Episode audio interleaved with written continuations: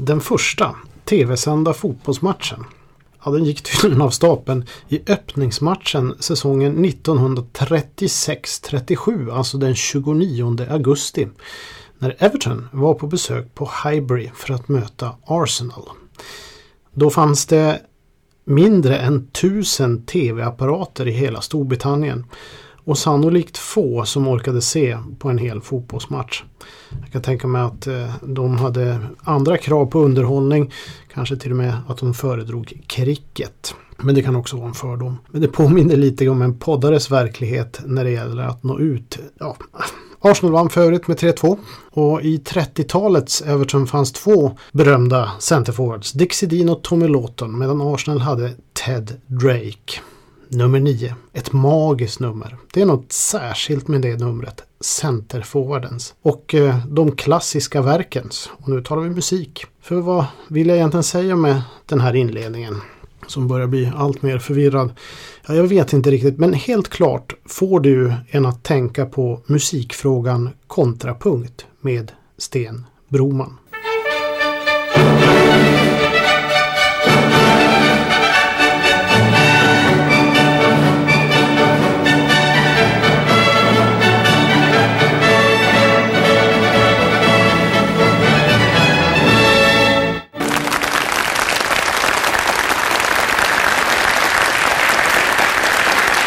God afton och välkomna till den tolfte och sista tävlingen i denna stora serie Musikfrågan kontrapunkt.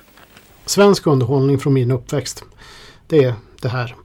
Musikfrågan eller senare kontrapunkt leddes med fast hand av Lundaprofilen, dirigenten, tonsättaren, levnadskonstnären, allveten, excentriken med mera med mera. Sten Broman i sina specialsydda kostymer utan fickor.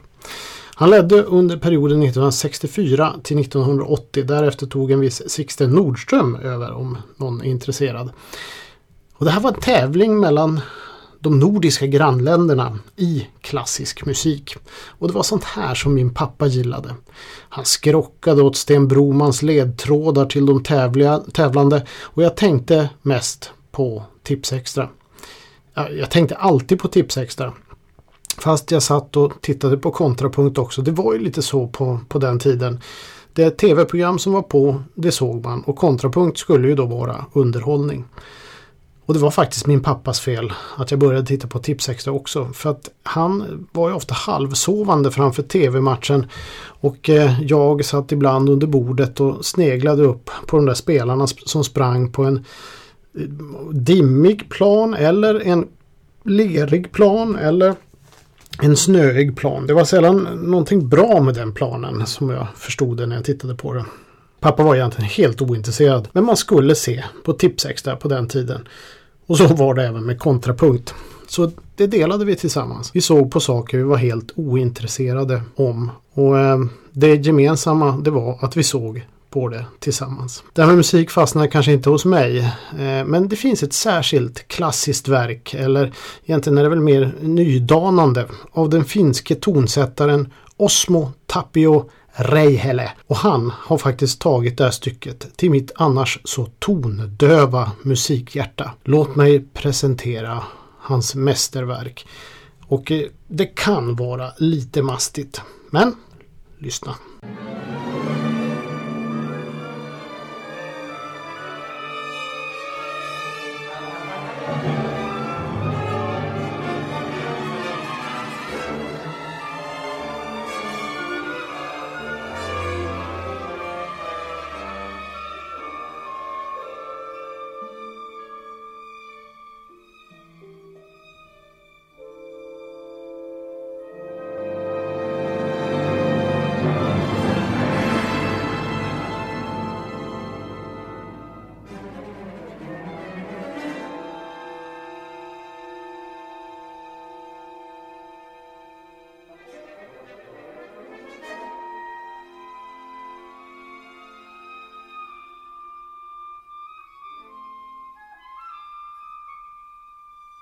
Det var alltså Bar Lini 9 framförd, tror jag, av den finländska radions symfoniorkester och komponerad av geniet Osmo Tapio Reihele. Den är ju lite mastig kanske att ta in, det ska jag erkänna.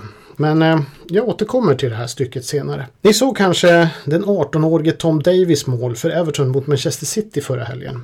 Davis, en eh, kille som närts av Everton och är en riktig local lad. En sån där spelare som alla fans drömmer om ska slå igenom och bli en stjärna. Även om Davis gick in och tog för sig rejält i just den här matchen utan rädsla för Manchester Citys världsstjärnor så är faktiskt ändå vägen lång till dess att han kan konstateras vara en etablerad spelare på högsta nivå. Everton vet, då det är en klubb som gång efter annan ger unga spelare chansen. Jag skulle kunna räkna upp hur många som helst. Alltifrån sådana till Michael Branch, Danny Cademartery och så vidare. Som inte har blivit någonting. Och titta nu på mittfältskollegan till Davis, Ross Barkley.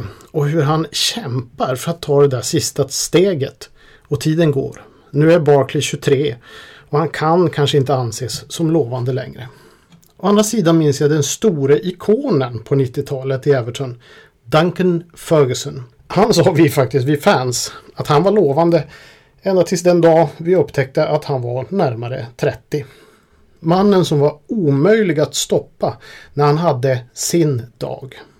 Det var bara det att den där dagen inföll alldeles för sällan. Och hur många sådana spelare har inte funnits genom tiderna? Och han var inte heller en sån som gillade att träna hårt. Han gillade inte att sätta upp karriärmål och sedan likt en Henderson eller Milner eller varför inte bröderna Neville fullfölja ambitionerna fullt ut med rätt fokus. Sån där fokus som vi försöker säga till killarna i min sons 02-lag att det är så viktigt med fokus för att ni ska kunna lära er att bli någonting inom fotbollsvärlden.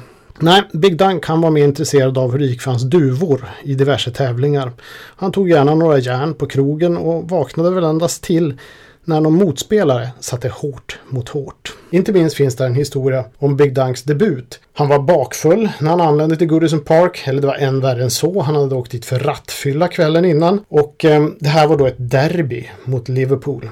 Managern Hugh Royal var oerhört tveksam om man skulle sätta in den unge skotten i den här matchen med tanke på hur det hade sett ut när han anlände till Goodison Park. Det var ju så att säga ingen bra början. Men han tänkte jag chansar, jag kör. Och eh, det hände ju inte så mycket. Han gick och lufsade där, där ute på planen, Big Dunk och Sen hände någonting som förändrade hela matchen och det var mittbacken i eh, Liverpool, Neil Razor Ruddock. Eh, han bestämde sig för att helt enkelt ja, köra över Big Dunk. Han ville visa den här unge skotten vad som väntade honom i Premier League. Så han fick sig en rejäl körare av eh, Ruddock det var ett stort misstag får man väl säga. Big Dunk tände på alla cylindrar och gjorde därifrån en makalös match. Ja, faktiskt han avgjorde matchen. Ganska typiskt Duncan Ferguson. Sen dröjde det inte så länge innan eh, han blev rätt snabbt en hjälte hos oss Everton-fans. Men det dröjde inte så länge innan han fick krypa in i fängelse uppe i Skottland. Efter att han har skallat en motståndare, eller motspelare i skotska ligan. Och det här var under match. Det är första gången tror jag någon blev dömd civilt för någonting som hände under match. Men anledningen till att han blev dömd, det var ju dels att det anmäldes men också att han hade ett antal misshandelsfall från tidigare. Han hade råkat i grupp med någon fiskare, någon taxichaufför och så vidare. Så det blev att krypa in i det gamla fängelset som jag tror ligger uppe i Edinburgh som hette Barlini. Och om ni kommer ihåg den här symfonin vi kommer till det sen. Big Dunk var i och för sig ingen local lad från Merseyside utan en skotte. Men ganska snabbt togs han till Everton-fansens hjärtan och är än idag aktiv i klubben. Faktum är att han har Everton-märket tatuerat på armen vilket var ett problem när han de facto såldes till Newcastle under en period. Och numera så assisterar han Ronald Koeman. Han nådde heller aldrig upp till sin potential, det ska vi erkänna. Någon som till och med skillas i just den här eh, musikstycket i Osmo Tapio Reiheles klassiska verk. Men låt oss lyssna lite på Everton-supportens Reiheles verk. Mästerverket har skapats i frustration över att Duncan Ferguson aldrig riktigt når det där stora crescendot. Musiken flödar från lugn och så stiger hoppet bara för att falna än en gång. Och så lugn och så stiger det bara för att falna än en gång. Och det har denne Ray Helle gjort bara på inspiration av Duncan Fergusons, får man väl säga, oförmågor.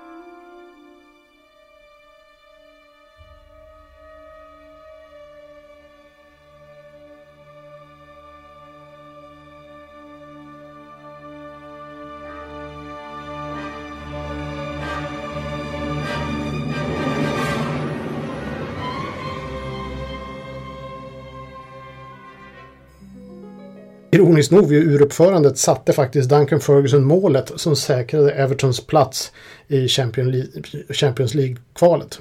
Men det är ju en annan historia. Till skillnad från Big Dunk så är Tom Davis, som slog igenom i, i förra helgen, en äkta scouser. Och dessutom släkt med en annan Everton-hjälte. Ett annat löfte från en annan tid som inte heller fick ut sin fulla potential. Och det är Tom Davis morbror, Alan Whittle.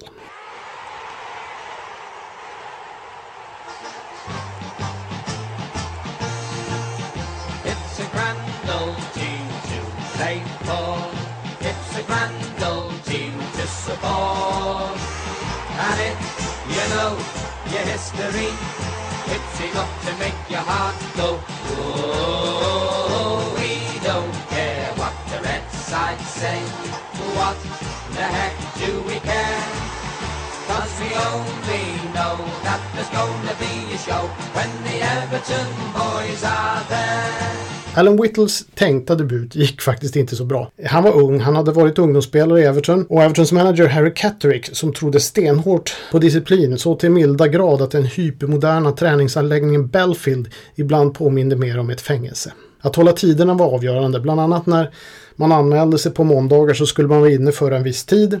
Man skrev in sig i en liggare. Exakt på klockslaget, eh, jag kommer inte ihåg om det var 9 eller 9.30 eller någonting. Men när klockslaget slog för, slog för att man skulle komma för sent. Då var det någon som gick och bytte ut det till en röd penna. Och den som kom sent var tvungen att skriva in med en röd penna. Sen efter ett tag så tog man den här liggaren upp och gick upp med den till Catricks kontor. Han gick igenom den, tittade på allt som hade skrivit in med röd penna och sen delade han ut lämpliga straff och böter. Och en ung Alan Whittle fick veta att han skulle få åka med laget faktiskt till West Midlands för en ligamatch. Tyvärr missade han bussen. Men det var en annan spelare, Howard Kendall, som då var skadad. Som också skulle åka dit och han tog bilen och gav Whittle lift. Faktum var att han före laget och han väntade i omklädningsrummet när Harry Catterick anlände med orden Son, you just come and see me on Monday morning. Och det var det. Det blev ingen debut och mötet på måndag morgon innebar böter samt en bandlysning tillbaka i reservlaget. Och det här var en bandlysning som räckte i månader för den här unge, enormt lovande spelaren. Timing är viktigt i fotboll, inte minst Tom Davis debut i dagens Everton är ju ett bevis på det. Alan Whittle hade dålig timing med bussen vid sin första chans. Men i december 1969 blev en av stjärnorna i Evertons lag skadad. Jimmy Husband hette han för övrigt. Visserligen hade Whittle fått göra några matcher i A-laget redan. Sex stycken säsongen 67-68 och fyra stycken 68-69. Men det var rätt lite för en kille som av en Manchester United-scout menat att om Whittle kommit från Manchester och skrev på för Everton så hade han stoppat huvudet i gasugnen. Så stor ansåg han att missen skulle ha varit. Scouten heter för övrigt Joe Armstrong och han hade försökt få Whittles namnteckning. Men Whittle var ju en scout Scouser. Och Everton var ju då det naturliga valet så det sved något mindre då för, för Armstrong eftersom det inte var en Manchester-kille. Men om det hade varit en Manchester-kille så hade han, ja han hade tagit sig av daga, sa han i alla fall.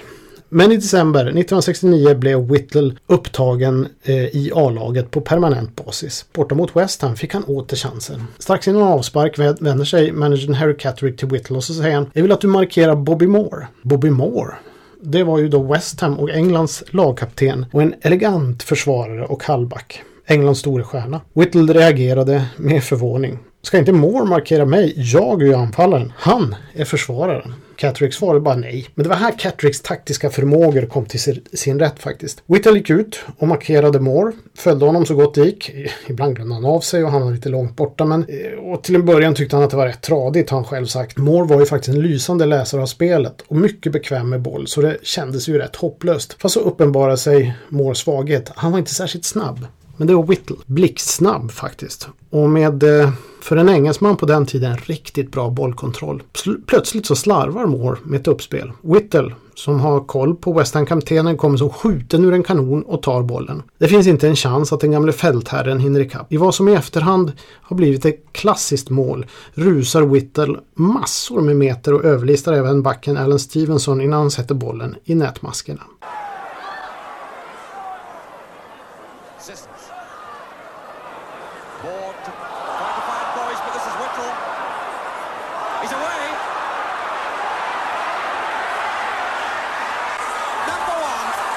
Everton vinner.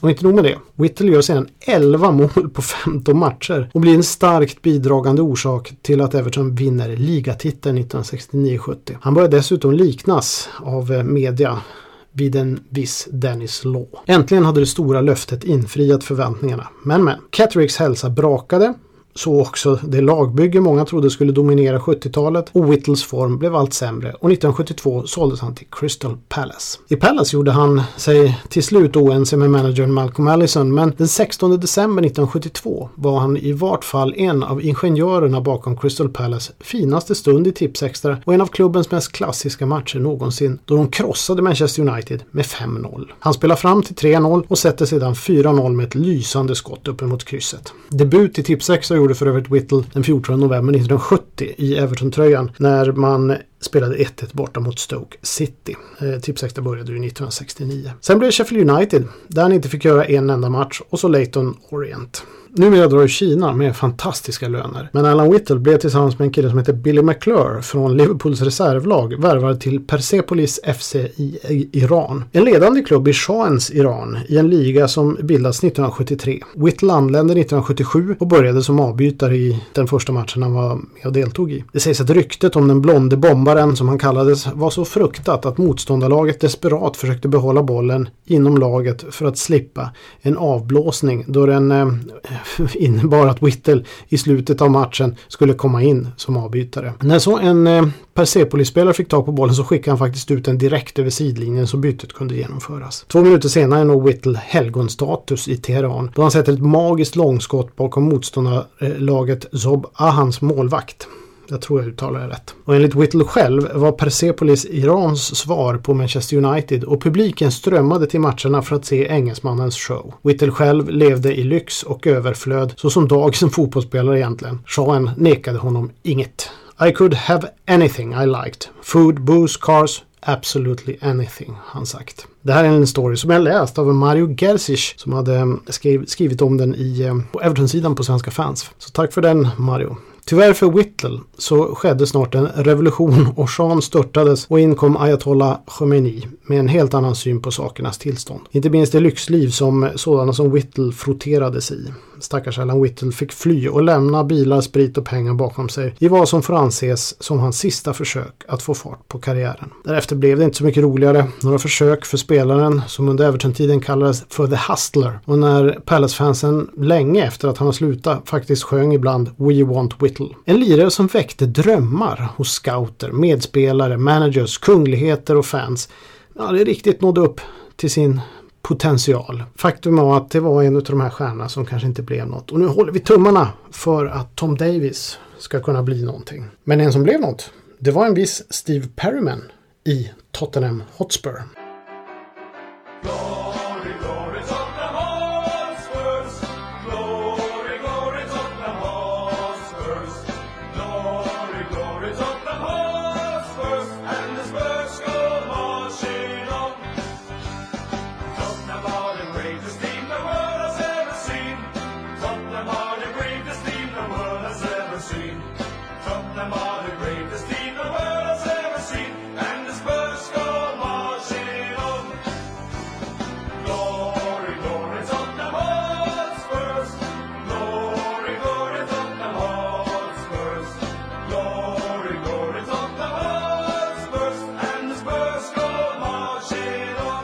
Kommer ni ihåg Steve Perman? Självklart, det gör väl alla.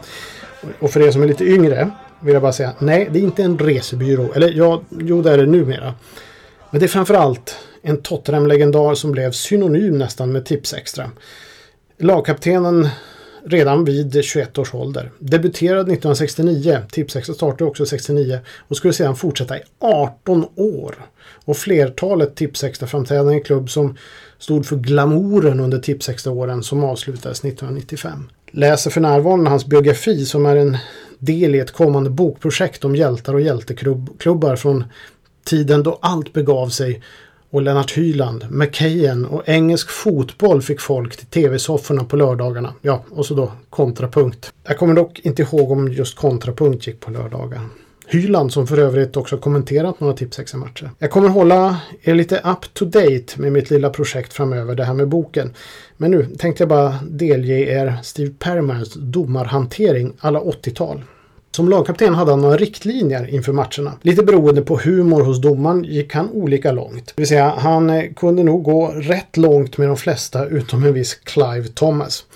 Och nu alla ni som är lite äldre känner igen den här Clive Thomas. Den kanske mest avskydde domaren från den tiden. Jag har faktiskt inte läst eller hört någon spelare eller ledare som uppskattar honom. Eller egentligen inte någon överhuvudtaget Utom Thomas själv då. För han var alltid i centrum, ställde sig alltid i centrum. Alltid med kontroversiella domslut. Inte minst gillade han att döma straff enligt Permen.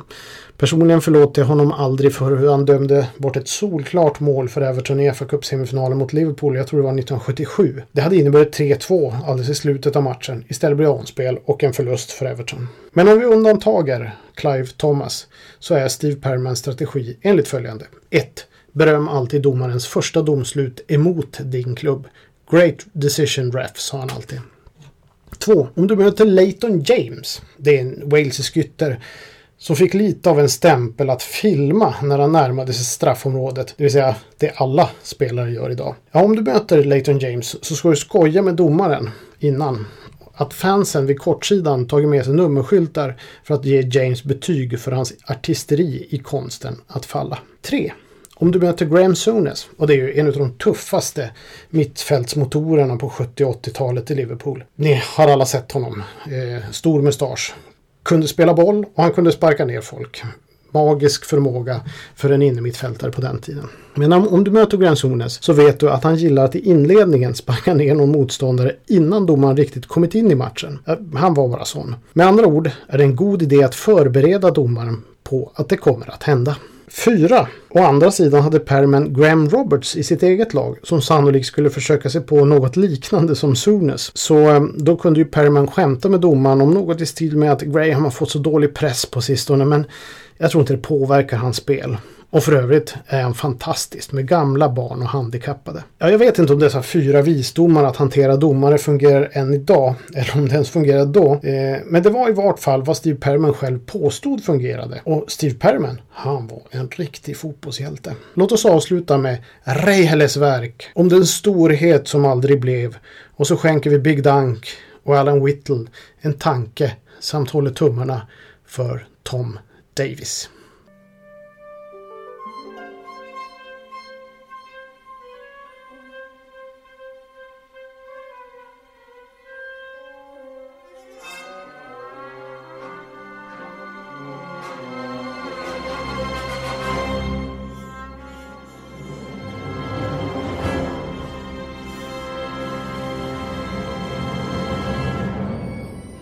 Ja, eller så skiter vi i det här.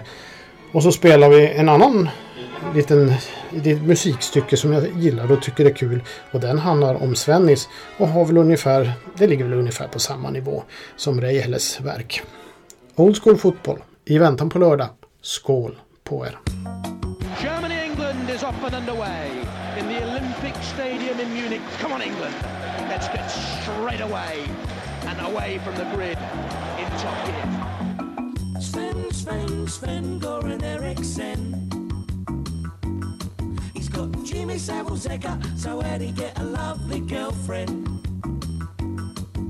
He tried so many players for the Holland game. Yeah, how do you forget Collymore? The say is insane.